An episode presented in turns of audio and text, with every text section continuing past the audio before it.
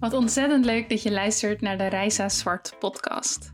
Mijn naam is Reisa en ik help creatieve ondernemers creëren en ondernemen vanuit zelfvertrouwen, strategie en vrijheid. In deze podcast deel ik met jou kennis, ervaringen, motivatie en inspiratie rondom zowel strategie als mindset.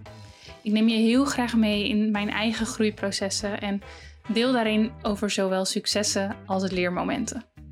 Dit alles omdat ik geloof dat wij elkaar kunnen helpen.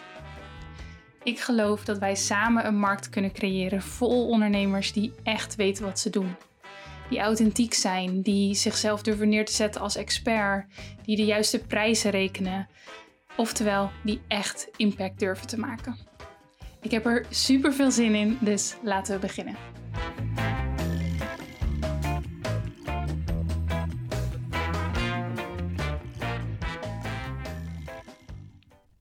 Wat ontzettend leuk dat je weer luistert naar deze aflevering. Vandaag wil ik het met je gaan hebben over buiten je comfortzone stappen. En ik ga bijvoorbeeld bespreken waarom dat nu zo belangrijk is, wat je tegen kan houden, wat je daaraan kan doen.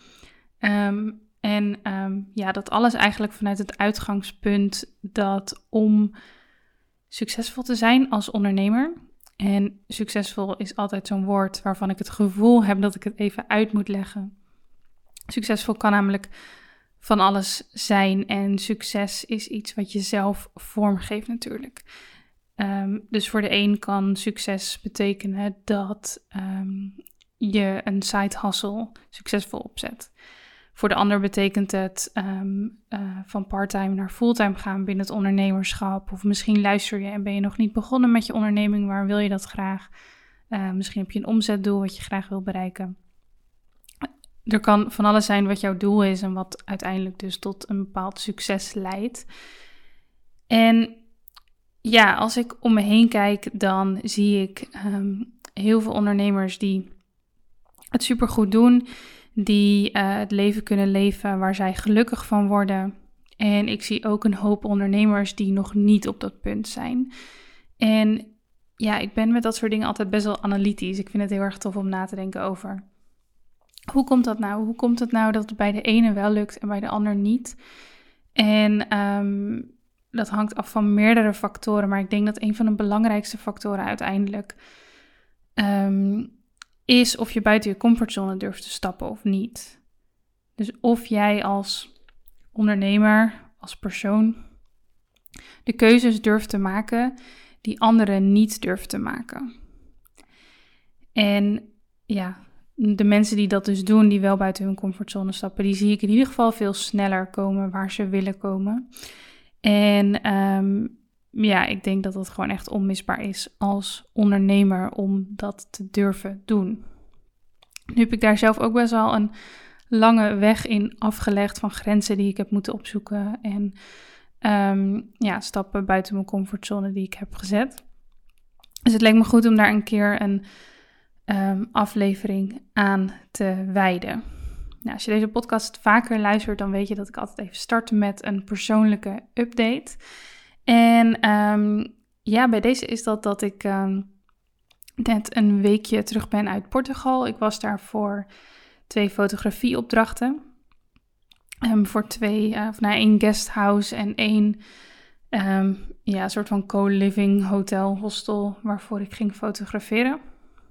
En um, ja, over je comfortzone, over buiten je comfortzone stappen gesproken. Er, er was daar een situatie waarin dat ook uh, naar voren kwam, waarin het nodig was dat ik buiten mijn comfortzone stapte.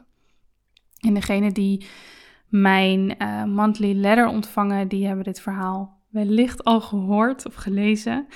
Um, maar ik denk dat het goed is om nog even te vertellen, ook omdat het een beetje de aanleiding vormde van deze podcast.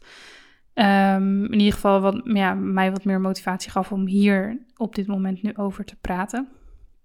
Um, ik zei net al, ik was in Portugal voor twee opdrachten. En die opdrachten waren gedeeltelijk op barterbasis. Dus um, ja, mijn vliegtickets werden betaald, accommodatie, eten, dat soort dingen. En in ruil daarvoor ehm, eh, ja, leverde ik foto's en mijn man Erik uh, video's voor beide bedrijven. En bij de eerste locatie was dat echt heel tof. We hebben daar ontzettend van genoten. Uh, hele goede klik met, met de eigenaren ook. Was echt super leuk. Uh, mocht je een leuk plekje uh, zoeken ten noorden van Lissabon in de regio van Ericeira. Casa Quintas wil je even opzoeken op Instagram. En Quintas is Q-U-I-N-T-A-S. Dat even terzijde. Um, dat ging heel goed en die locatie daarna, daar liep het echter minder goed. Um, ja, om het simpel te houden, um, uiteindelijk verlangden zij meer van mij en van ons dan dat ze van tevoren gezegd hadden. En voelde voor ons de, de ruil die je dan eigenlijk aangaat, voelde niet meer goed. En wat doe je dan? ik vind dat soort dingen altijd best wel lastig. Ik ga confrontaties het liefst uit de weg. En ik heb zeker in de eerste jaren van mijn ondernemerschap um, veel te vaak opdrachten gedaan die ik niet wilde doen. En dat, um, nou, ik denk niet dat ik daar uniek in ben.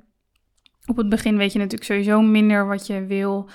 Um, maar ja, dan was ik bang om nee te zeggen. Of dan was ik, ja, was ik eigenlijk bang om aan te geven als mensen over mijn grenzen gingen. En uh, inmiddels ben ik daar beter in geworden, maar vind ik het nog steeds super lastig. Dat is ook gewoon een persoonlijkheidsdingetje. Um, maar goed, ik ben het gesprek aangegaan. Ik ben buiten mijn comfortzone gestapt. En ik heb eerlijk gezegd dat ik het niet fijn vond. En dat ze dus over mijn grenzen heen gingen. Um, ik ben dan zo iemand die van tevoren allemaal van die noodscenario's in haar hoofd haalt. En um, ja, gelukkig geen van die noodscenario's kwam uit. En de organisatie gaf aan dat ze het met me eens waren. Um, ze hebben nog een aantal aanbiedingen gedaan om het beter te maken. Maar zo ben ik dan ook wel weer, als ik er klaar mee ben, dan ben ik er ook klaar mee. Het voelde gewoon niet meer goed in ieder geval. Um, dus zijn wij weer teruggegaan naar Casa Quintas van die eerste locatie. En hebben we echt een fantastische tijd nog daar gehad. En vooral lekker veel vakantie gevierd ook. Dus, um, dus dat was top. Had ik op dat moment niet buiten mijn comfortzone gestapt, dan had dat best wel veel frustratie opgeleverd. Dan had ik te hard gewerkt voor wat ik kreeg. Dan had ik nu een slecht gevoel overgehouden over die organisatie. Um, wat ik nu niet heb, want ze hebben het gewoon goed opgepikt. En um, ja, soms ik, gebeuren dingen ook gewoon een beetje door miscommunicaties. Ik geloof niet dat zij het per se slecht bedoelen. Um, ja, en dan was ik gewoon niet eerlijk geweest tegen mezelf eigenlijk. En op het moment dat ik dat gesprek aanging, nou ja, mijn hart klopte echt in mijn keel, dat mag je best weten. Maar achteraf ben je super trots op dat je het gedaan hebt. En um, zal ik de volgende keer sneller overgaan tot zo'n gesprek. Omdat ik nu uh, ja, weer eigenlijk een positieve ervaring kan toevoegen aan de lijst met ervaringen. Qua wat er gebeurt als je buiten je comfortzone stapt. En in dit geval als je je grenzen aangeeft. Dus dat, um, ja, dat was eigenlijk uh, nou ja, anderhalve week geleden. Een week geleden zijn we teruggekomen uit Portugal. En de afgelopen week heb ik lekker vrij gehad met um, het supermooie weer wat we deze week uh, hebben gehad in Nederland. En heb ik gewoon ontzettend veel genoten van het strand. Ik ben lekker wezen surfen voor de eerste keer in Nederland. Dat is iets wat ik in uh, Costa Rica heel graag doe. Maar um, ja, ik had me nog niet over de drempel heen kunnen zetten om um, uh, een wetsuit te gaan huren plank te gaan huren en het water in te gaan. In Costa Rica kan je gewoon in bikini surfen. Um, en uh, ja, zo'n wetsuit was toch een beetje een drempel voor me. Ook zoiets. dat was dus buiten mijn comfortzone. Um, hoe, hoe klein het dan ook is, maar ik vind dat dan toch spannend. En dan denk ik, oh, maar dan voel ik me misschien een beetje gevangen in, de, in, die, in dat wetsuit. Um, was ook wel een beetje zo, maar het is natuurlijk ook gewoon maar net wat je gewend bent. En hier kun je ook aan wennen. Um, en het was echt heel fijn om weer lekker op een plank te liggen en ja, golven te pakken. Dus ik ben ook super blij dat ik dat gedaan heb. Ja, dus zo kan ik eigenlijk al op de vorige weken terugkijken met een aantal stappen buiten mijn comfortzone. en dat is waar we het dus vandaag ook over gaan hebben. En waar zal ik dan eens beginnen?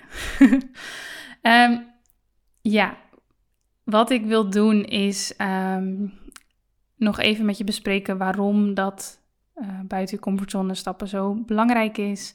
Ehm, hoe het ook makkelijker wordt in de loop van tijd. En vervolgens zal ik je een aantal praktische tools mee gaan geven, zodat je ook echt Ehm, beter kan worden in die keuze maken om buiten je comfortzone te stappen. Want er is altijd een moment dat je natuurlijk een keuze moet maken. Ga ik het wel doen, ga ik het niet doen? En er zijn een aantal dingen die je op dat keuzemoment kan doen of waar je aan kan denken. Uh, opdrachten die je kunt doen zelfs, om te zorgen dat je ehm, wel ja zegt. Dat je wel voor het spannende kiest en buiten die comfortzone stapt en ehm, daar vervolgens de beloning van kan pakken beginnen even bij het begin. Waarom is dat nou zo belangrijk? Nou ja, ik, ik gaf het net al aan. En dat is dan op het gebied van het ondernemerschap. Want in principe kun je, kun je natuurlijk buiten je comfortzone stappen in alle aspecten van je leven. Maar als we naar ondernemers kijken, dan ehm, denk ik dat we in een tijd leven waarin mensen het sowieso heel erg belangrijk vinden om te weten van wie ze kopen. Ehm, en ehm, dat mensen graag bij bedrijven willen kopen die laten zien wie ze zijn en dat soort dingen. Ehm, en ja, bijvoorbeeld dat stukje zichtbaarheid, dat is voor heel veel mensen al buiten hun comfortzone. En met zichtbaarheid heb ik het niet eens per se over stories maken of iets dergelijks. Wat sowieso buiten de comfortzone van veel mensen ligt. Maar bijvoorbeeld ook al een stuk, stukje diepgang aanbrengen in je website, een duidelijke visie hebben. Gaan staan voor wat je doet. Ehm, ik denk dat dat een van de allerbelangrijkste stappen is voor ondernemers. En dat in dat stukje, wat eigenlijk de kern is van je ondernemerschap in mijn ogen, dat mensen daar al, ehm, ja, mensen, mijn doelgroep, misschien jij wel, het daar gewoon een stukje ehm, te veilig spelen. Dat klinkt niet helemaal goed. Ik, ik zit met, in mijn hoofd met playing it safe. Um, hoe vertaal je dat goed? Nou, in ieder geval dat mensen te, te veilig blijven. Dat ze een beetje te veel bij de oppervlakte blijven.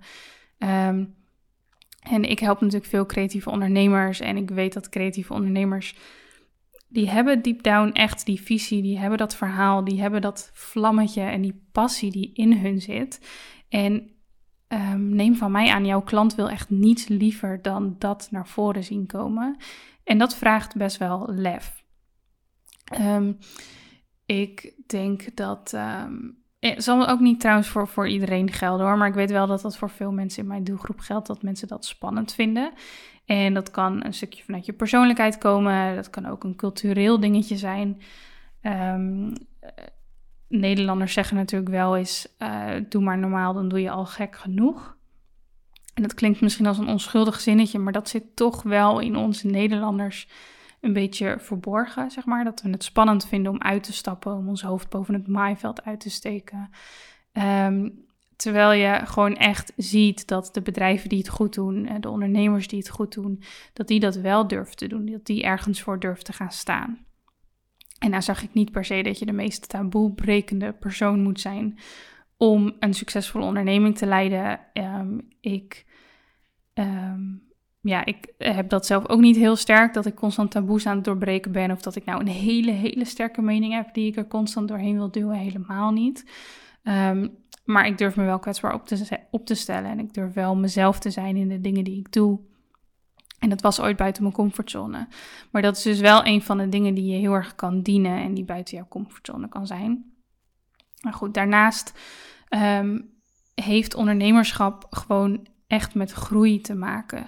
En ik zie bij mezelf ook dat persoonlijke ontwikkeling en zakelijke ontwikkeling eigenlijk hand in hand gaan.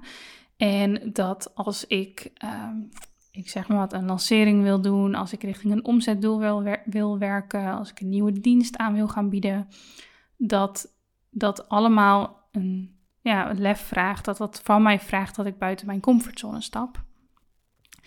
En als je jezelf dus als ondernemer laat tegenhouden door die comfortzone, dus als je daar binnen blijft, dan ja, kun je eigenlijk niet groeien. Ik denk dat dat soort van het meest kernachtige is wat ik eruit kan halen. Als jij niet buiten je comfortzone stapt, dan blijf je waar je nu bent. En als jij op dit moment ergens bent waar je super blij bent, dan mag dat. Ehm, maar voor velen uh, van jullie zal gelden dat je wel bepaalde dromen hebt en dat je um, bepaalde dingen wil bereiken. En ik kan je gewoon echt op een briefje geven dat je daarvoor buiten je comfortzone moet gaan stappen. En dat je dat echt kan. Um, neem van mij aan, als ik dat kan, dan kan jij dat ook. En waarin ik heel erg buiten mijn comfortzone ben gestapt de afgelopen jaren, uh, is ook echt die zichtbaarheid, dus waar we het net over hadden. Ik heb daar al meerdere malen over verteld. Mocht je niet op de hoogte zijn van het verhaal, zou ik zeggen: um, luister sowieso even podcast uh, afleveringen 1 en 2, waarin ik mijn verhaal vertel. En ja, er zit er ook ergens nog eentje tussen over zichtbaarheid. Ik durf niet te zeggen welk nummer. Um, in ieder geval, wat je moet weten is dat ik eerst helemaal niks durfde. Ik durfde niet op camera, ik durfde geen voiceberichtjes in te spreken. Ik had al helemaal nooit gedacht dat ik op een podium durfde te staan. En het ondernemerschap en de persoonlijke ontwikkeling die daarmee gekomen is, heeft ervoor gezorgd dat ik stapje bij beetje, hoe zeg je dat, stukje bij beetje, um, telkens buiten die comfortzone ben gestapt en dat soort dingen nu wel durf en er eigenlijk echt uh, flink van geniet. Hoe doe je dat nou? Hoe stap je buiten die comfortzone? Dat, um, dat wil ik met je bespreken. En er zijn een aantal dingen die ik daarover wil zeggen. En de eerste is dat uh, een stap buiten je comfortzone hoeft niet altijd een hele grote te zijn. Um, dus ja, gaan even zeg maar terug. We gaan even negen, negen jaar terug in de tijd.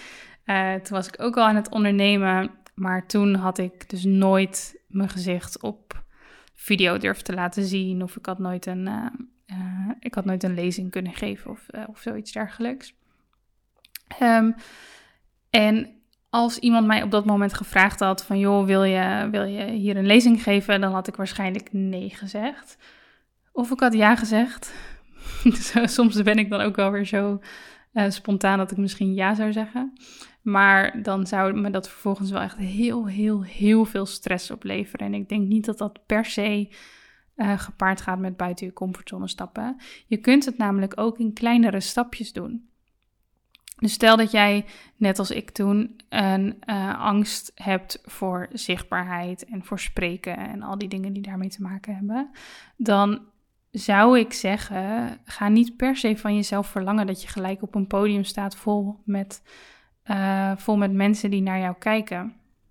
Nee, misschien kun je eens proberen om eerst uh, wat meer foto's van jezelf te delen, uh, wat meer teksten die echt ergens over gaan. Dus echt mensen mee te geven um, waar je voor staat, bijvoorbeeld.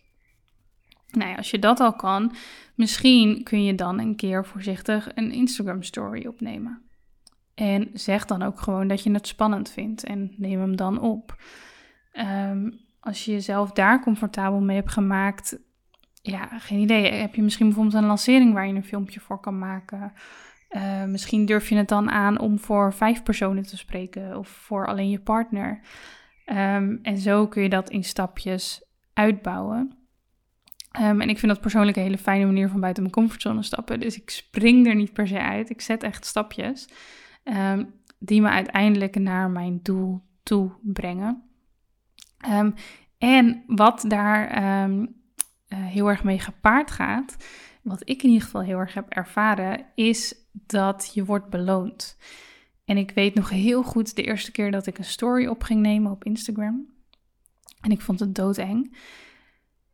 Ik had ze opgenomen.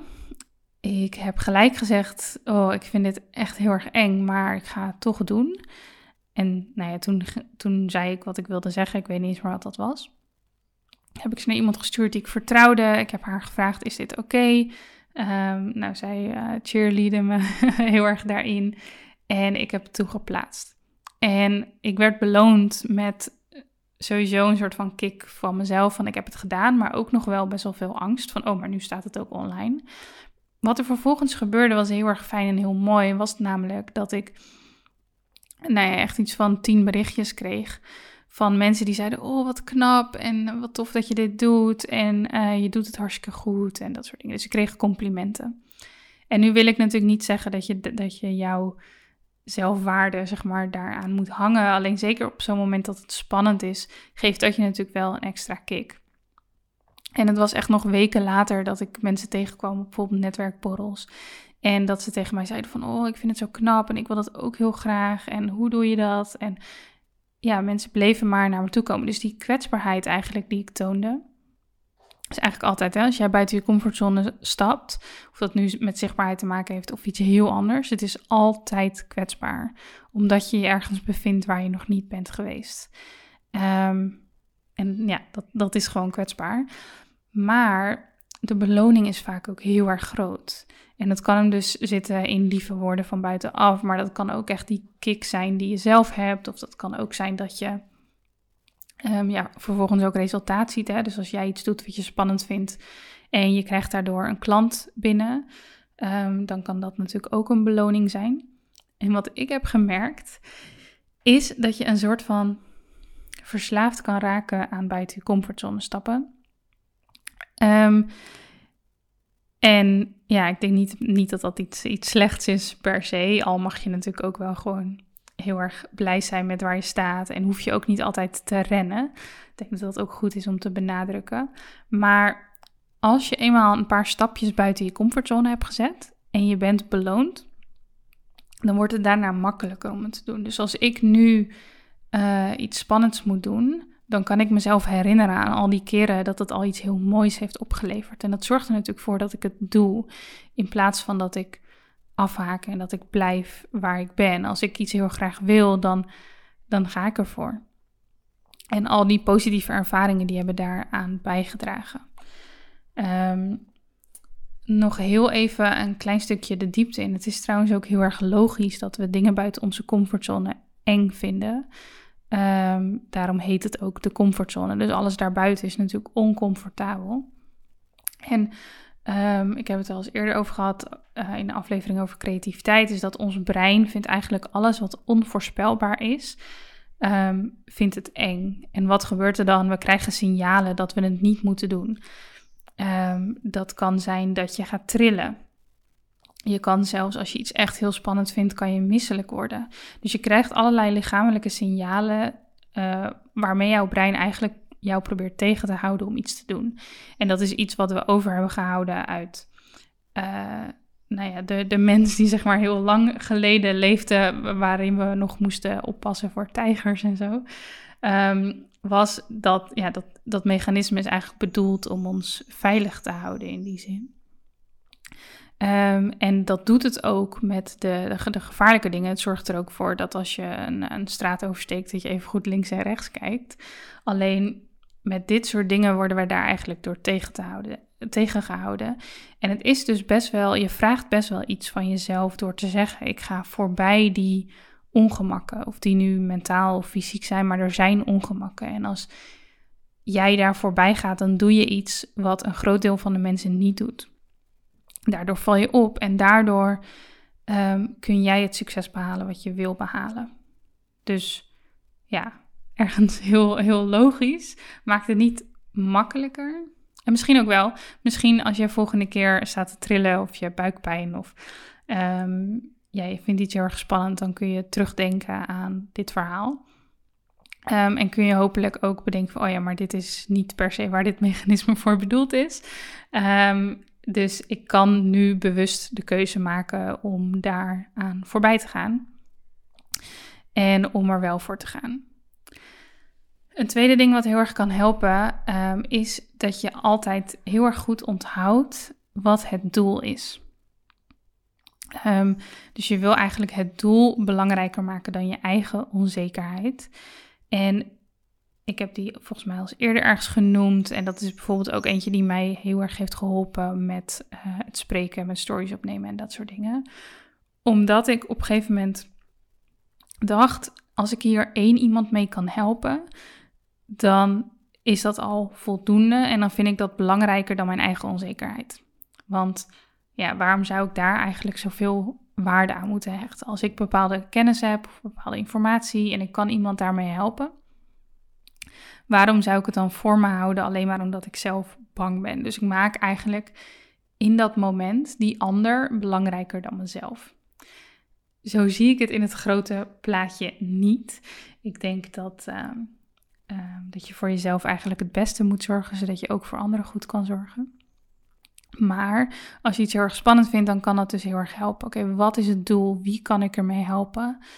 Ehm, en uh, dat hoeft niet altijd een persoon te zijn. Dat kan ook een bepaalde impact zijn die je wil maken. Of dat kan ook puur iets zijn waar jij heel erg blij van wordt. Dus stel je vindt iets heel spannend, maar je weet wel zeker dat, of bijna zeker, dat als je het doet, dat je dan meer geld kan verdienen dan dat je nu doet. En je struggelt nu bijvoorbeeld best wel. En meer geld betekent dat, um, dat je geen financiële zorgen meer zou hebben. Of dat je uh, die reis kan maken die je al zo lang wil maken. Dus er zijn heel veel doelen die je jezelf natuurlijk voor kunt houden.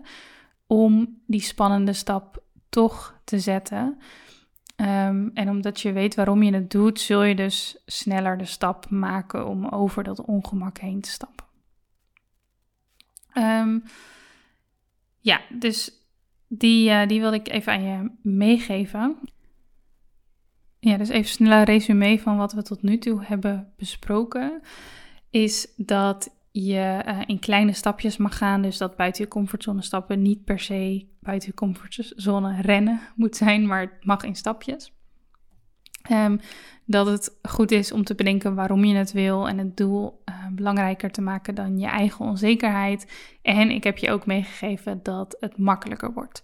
Dus dat je beloond gaat worden en dat daardoor het stappen buiten je comfortzone eigenlijk steeds makkelijker gaat worden. En je eigenlijk ook met steeds grotere stappen dat wel kunt gaan doen. Um, dus dat zijn een aantal dingen die ik ja, heel erg hoop dat je in, de, eh, in je hoofd kan houden wanneer je tegen iets aanloopt waar, waar je iets spannends moet doen eigenlijk. Dan um, de derde en laatste die ik aan je mee wil geven is een techniek die heet fear setting. En die heeft uh, Tim Ferriss bedacht, uh, auteur van de 4-Hour Work Week. En ik las laatst ook het boek Everything is Figure Outable van Marie Forleo. En um, zij heeft eigenlijk een techniek die daar een beetje op lijkt. En ik vind het een hele interessante techniek om buiten je comfortzone te stappen. Ik heb hem zelf nog niet heel vaak gebruikt, niet bewust in ieder geval. Um, maar ik, um, ja, ik heb wel een keertje zoiets gedaan en ik, ja, ik denk dat dit echt ontzettend krachtig is. Dus ik wilde die heel erg graag aan je meegeven.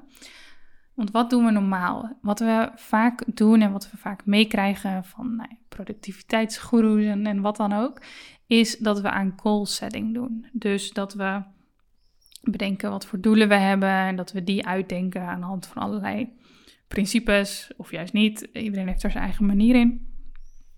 In ieder geval dat je nadenkt over wat je wil bereiken. En Tim Ferriss zegt, dat is allemaal leuk en aardig, maar er is een manier uh, waarop je eigenlijk um, ja, beter na kan denken over dat soort dingen. En zeker bij dingen die je spannend vindt. En dat is dus fair setting. Um, wat je gaat doen is, je gaat een aantal lijstjes maken. En die lijstjes maak je aan de hand van iets dat je spannend vindt.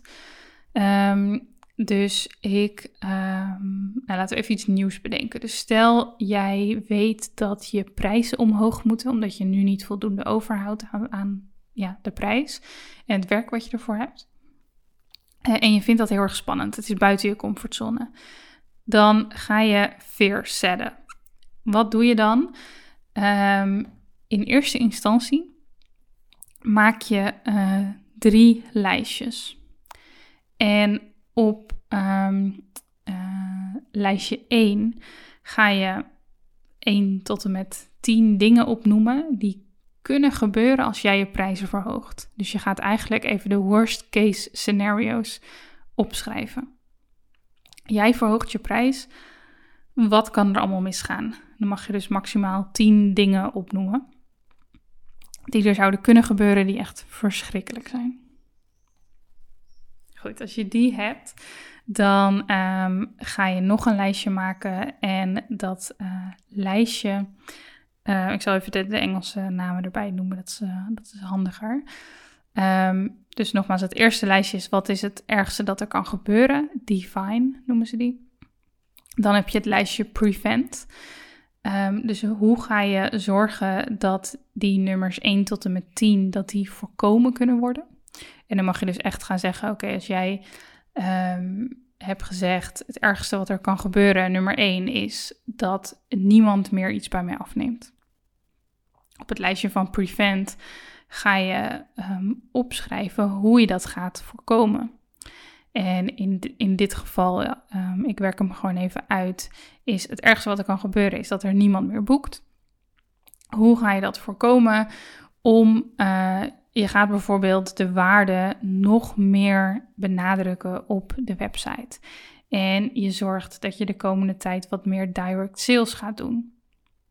Of Um, je gaat van tevoren bij jouw ex-klanten checken of zij de prijs die je nu uh, gaat doorvoeren, of zij die uh, zouden betalen als ze terugkijken op het resultaat dat ze hebben gehad. Met die laatste moet je overigens een beetje uitkijken, um, omdat dat natuurlijk wel weer ex-klanten zijn. En um, ja, je bent inmiddels wellicht beter geworden of je hebt mooiere producten of wat dan ook. Um, en dat is niet altijd een goede graadmeter. Maar ik geef even als voorbeeld mee. Uh, het zou iets kunnen zijn wat je, wat je zou kunnen toepassen. Maar dat is dus het prevent lijstje. Hoe ga je zorgen dat de worst case scenario's niet gebeuren? En dan lijstje nummer drie is repair. Um, en daarbij ga je opschrijven wat als nou wel het ergste gebeurt dat er kan gebeuren, dus worst case scenario komt uit, hoe ga je het fixen? Um, en dan ga je dus heel erg oplossingsgericht denken over wat je dan kan doen. Van hey, kan ik dan alsnog weer uh, terug in prijs? Of kan ik nog iets aan mijn product toevoegen waardoor mensen wel de waarde ervan inzien? Um, ja, uh, je kan heel ver gaan met dit soort dingen. Ik heb bijvoorbeeld ook wel eens gelezen in, uh, dat is in het boek van Marie Forleo, dat ze echt zo ver gaat als, oké, je bedrijf gaat failliet. Hoe ga je dat fixen? Kan je een baan nemen? Nou dat soort dingen. En dan denk je misschien, maar oh man, dit, dit is heel erg negatief gedacht. En dat is aan de ene kant wel zo. Alleen je moet het eigenlijk zo zien Jouw brein doet dit sowieso wel. Dus jouw brein is sowieso al de worst case scenario's voor jou aan het uitdenken. Bij de ene persoon is dat wat meer op de voorgrond, zoals ik merk echt dat ik dat meestal doe. Um, bij de ander niet, maar in jouw onderbewustzijn gebeurt dat alsnog. En het enige wat je doet, is hetgene wat toch al in je hoofd gebeurt, bewust of onbewust, op papier zetten. En op het moment dat het op papier staat, dan kun je het beter analyseren en dan kun je probleemoplossend ernaar kijken. En dan kun je dus eigenlijk, eigenlijk ben je jouw eigen uh, gedachten aan het weerleggen. En blijkbaar hebben we dat nodig als mensen. dat we gewoon even naar dat slechtste scenario gaan. En dan, um, nou ja, gaan denken: oké, als dat gebeurt, wat ga ik dan doen? En dan zul je zien dat het, het gevoel van.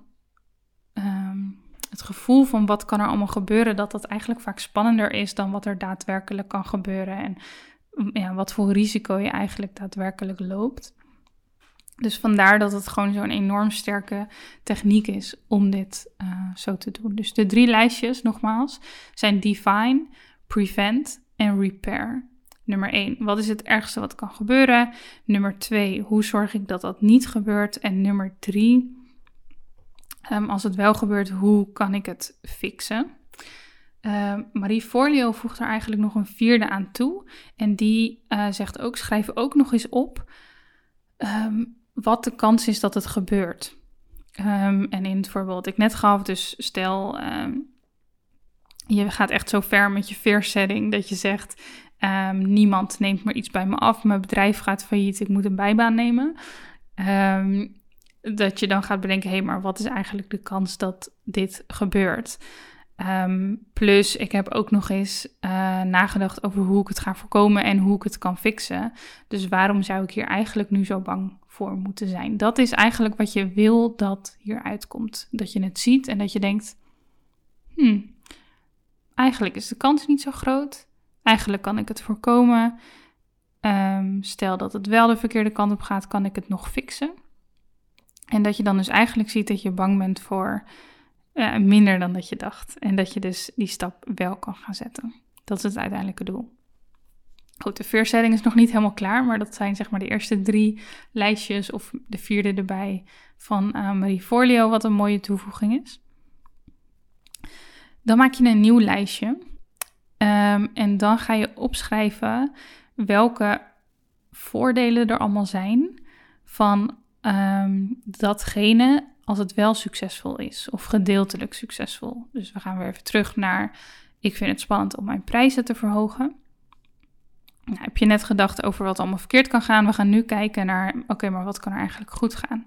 Dus stel jij verhoogt je prijzen en je houdt evenveel klanten, of misschien komen er wel meer klanten bij. Wat zijn dan de voordelen? Nou, je gaat meer geld verdienen, um, maar je wil, je wil dieper gaan dan dat. Dus wat kun je met dat geld doen? Uh, betekent dat dat je je bedrijf nog verder kan laten groeien? Betekent dat dat je de mensen om je heen iets moois kan geven? Dat je jezelf iets moois kan geven? Um, betekent dat dat je klanten waarschijnlijk beter bij je passen? Dat jij met meer energie jouw bedrijf kan voeren? Dat je daardoor meer energie hebt in je privéleven? Ook hierin uh, mag je weer best diep gaan. En zeker als je dat net bij het. Um, bij de eerste lijstjes heb gedaan. Als je daar vrij negatief bent gegaan, dan wil ik je eigenlijk uitdagen om net zo positief hierbij te gaan.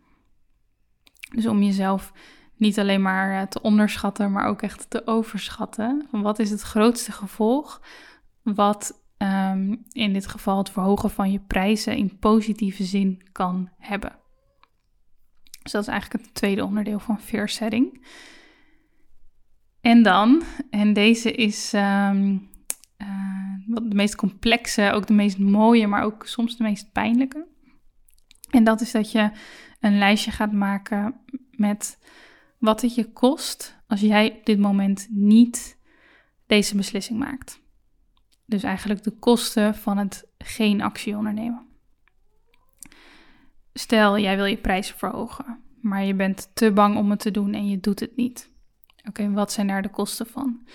Dat betekent dat je uh, nog langer te hard blijft werken voor te weinig geld. Dat je steeds gefrustreerder raakt. Dat je misschien uiteindelijk hetgene wat je nu doet helemaal niet meer leuk vindt. Um, dat je ermee stopt. Nou ja, je merkt het al, daar wordt het vrij snel um, vrij uh, depri. Um, maar dat is dus wel goed om je, om je af te vragen van wat kost het me eigenlijk? Welke dingen kan ik niet doen als ik mijn prijzen niet verhoog? Um, ja, dat eigenlijk. Uh, echt een beetje in te gaan op die, die pijn. En ja, dan, uh, dan heb je ze voor je. Dan heb je nagedacht over wat er kan gebeuren. Worst case scenario, hoe kan ik dat oplossen en hoe groot is de kans dat het gebeurt? Je hebt nagedacht over wat het je kan opleveren en je hebt nagedacht over wat het je kost als je het niet doet. En ja, ik wil eigenlijk wel zo ver gaan als zeggen dat als je een angst hebt en als je deze dingen voor jezelf opschrijft, ja, dan kan ik me eigenlijk niet anders voorstellen dan dat je voelt dat je dit moet gaan doen. Hetgene dat je spannend vindt, dat je dat toch moet doen. En dat dat enorm motiveert. Betekent niet dat ineens alle spanning er vanaf is, absoluut niet. Alleen het betekent wel dat je hopelijk die spanning kan accepteren en dat je kan zeggen: joh, ik vind dit spannend, maar ik heb hier zwart op wit staan waarom ik het wel moet doen. En ik heb een plan B voor als het fout gaat. Ehm, plus de kans dat het fout gaat is blijkbaar niet zo groot. Kom op, we doen het gewoon. Dus in plaats van dat je eigenlijk die weerwar in je hoofd houdt en eigenlijk, uh, ja, soms wordt het dan alsmaar groter in je hoofd. En dit uitschrijven, dat veersetting, dat zorgt er echt voor dat het behapbaar is. En dat jij die keuze ook goed kan maken. Plus, mocht het nou wel iets zijn wat een heel groot risico met zich meebrengt en wat je eigenlijk niks oplevert bijvoorbeeld, want dat kan hier ook uitkomen, hè, dat je denkt dat je iets graag wil en dat je het uitschrijft en dat je denkt, hmm, misschien is dit wel echt te veel risico en wat krijg ik er eigenlijk voor terug? Dat zou kunnen. Vaker is het andersom. Maar het is wel een soort van laatste check om te kijken of dit de goede stap buiten je comfortzone is. Dus dit is een hele, ja, hele fijne die ik persoonlijk wel meer wil gaan inzetten. Um, Want ook al vind ik buiten mijn comfortzone stappen heel erg leuk. Uh, ja, ik vind het echt leuk inmiddels.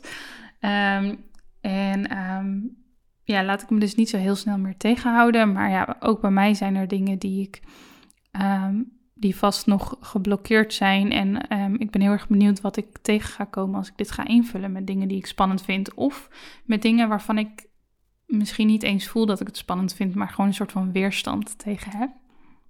Want dat is het soms ook. Ik denk ook dat spanning zich niet altijd laat zien als spanning, maar dat het soms ook gewoon kan zijn dat je dan maar andere dingen gaat doen. Um, dus een soort van ja, uitstelgedrag eigenlijk. Of dat je denkt van, nou, ik, heb daar, ik vind dat gewoon stom, ik heb niet zoveel zin in. Dat kan natuurlijk ook spanning zijn. Dat kan ook een uh, mechanisme zijn van jezelf eigenlijk, om jezelf klein te houden. Ik vind het heel tof aan het veersetting is dat het eigenlijk heel erg eerlijk is naar jezelf toe. Dus dat ga ik zeker vaker uh, doen voor mezelf. En ik hoop um, jij ook. En dus helemaal in combinatie met die andere dingen die ik je heb meegegeven. Um, dat het jou ook gaat lukken om buiten je comfortzone te stappen. Moet je dan altijd buiten je comfortzone stappen? Moet het altijd oncomfortabel zijn? Ik denk dat de meningen daar een beetje over verdeeld zijn, maar voor mij persoonlijk niet. Ik merk dat als ik altijd maar push op zakelijk gebied, dat dat wel ten koste gaat van mijn privéleven en mijn persoonlijke ontwikkeling. Um, en een stukje van mijn vrijheid. Dus ik zie ondernemen eigenlijk heel erg in seizoenen. Er zijn seizoenen dat ik heel erg hard ga en dat ik ja, buiten die comfortzone aan het breken ben eigenlijk. En er zijn um, seizoenen, en die kunnen weken duren, maar dat kan ook een jaar duren, dat ik gewoon even goed zit waar ik zit. En dat ik voornamelijk gewoon heel erg wil genieten. En dat ik misschien ook uh, ja, meer op in mijn privéleven bijvoorbeeld doelen heb. Um, die ik wil behalen en dat daardoor even wat minder energie op het zakelijk vlak is. Um, dus ik denk, ja, ik vind het ook gewoon heel erg mooi als je tevreden kan zijn met wat je nu hebt. En idealiter ben je blij met waar je nu bent. Um, maar heb je ook doelen voor jezelf en um, werk je daar ook naartoe? En de ene keer is dat wat langzamer en de andere keer is dat wat sneller. En als het wat sneller is, dan zul je dus ook sneller tegen die grenzen van je comfortzone aanlopen. Yes, ik hoop, ik hoop dat je helpt en ik hoop dat jij het jezelf gunt om na te denken over de dingen die je wil. En om als je drempels tegenkomt, als je dingen niet durft, om uh, daarmee in de slag te gaan. Dat kan aan de hand van deze podcastaflevering, maar je kunt ook hulp vragen aan andere mensen om je heen. Um, misschien een coach, um, wat dan ook. Maar gun het jezelf echt om jouw dromen waar te gaan maken. Want ik gun dat jou zo en ik weet ook dat je het waard bent. En ik weet ook dat um, deze wereld een stukje mooier is als zoveel mogelijk mensen dat doen. En dat is dan ook weer waarom ik doe wat ik doe en waarom ik zo'n aflevering voor je opneem. Dus dan is die uh, cirkel ook weer mooi rond. Ik ga hem afsluiten. Ik wil je heel erg bedanken voor je tijd en je energie. Ik hoop dat je er veel aan gehad hebt. En zoals altijd, ik zou het echt super, super leuk vinden als je me tagt als je deze aflevering luistert. Um, sorry, even iets duidelijker. Als je een screenshot maakt, een story deelt en mij daarin tagt. Um, of als je een review achterlaat op iTunes. Met beide dingen help je mij heel erg. Um, en je helpt mij dan voornamelijk om mijn missie en visie nog breder te verspreiden en nog meer creatievelingen te kunnen helpen. Om te creëren en ondernemen vanuit zelfvertrouwen, strategie en vrijheid. Um, want dat is echt iets wat we, wat we samen doen. En samen creëren we zo'n gezondere markt voor creatievelingen. Thanks en ik uh, zie je bij de volgende aflevering.